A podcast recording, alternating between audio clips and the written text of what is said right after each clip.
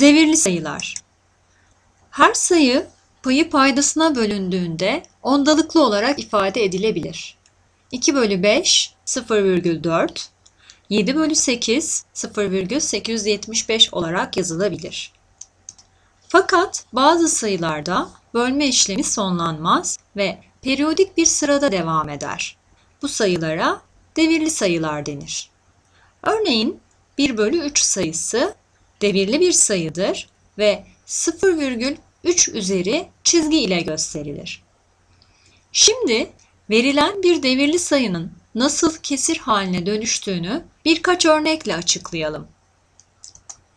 Birinci örneğimizde x eşittir 0,6 devirli sayısını kesir haline dönüştürelim. İlk olarak tekrar eden kısmı yok etmek için sayının her iki tarafını 10 ile çarpalım ve bu sayıdan verilen ilk sayıyı çıkaralım. Yapılan bu işlemlerden sonra x sayısı 6 bölü 9 olarak bulunacaktır.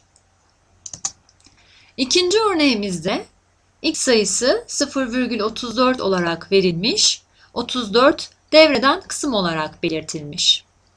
Bu defa virgülden sonra iki basamak olduğu için sayıyı 100 ile çarpalım ve ilk örnekte yapılan işlemleri tekrar edelim.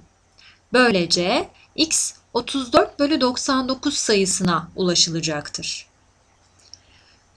Üçüncü örneğimize gelince x sayısı 0,545 olarak verilmiş ve 45 devreden kısım olarak belirtilmiş. Bu sayının virgülden sonra 3 basamağı olduğu için 1000 ile çarpalım. Tekrar eden kısmı yok etmek için sayıyı 10 ile çarpıp çıkaralım. Buradan x 540 bölü 990 sayısına eşit olacaktır. Dördüncü ve son örneğimizde x sayısı 2394 halinde verilmiş, 94 devreden kısım.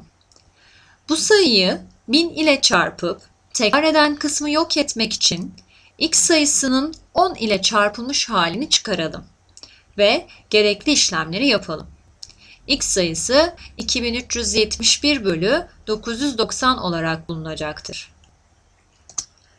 Özetle devirli sayıyı kesir haline dönüştürürken sayının tamamından sayının devretmeyen kısmı çıkarılır, virgülden sonra devreden basamak sayısı kadar 9, devretmeyen basamak sayısı kadar 0 atılmış haline bölünür.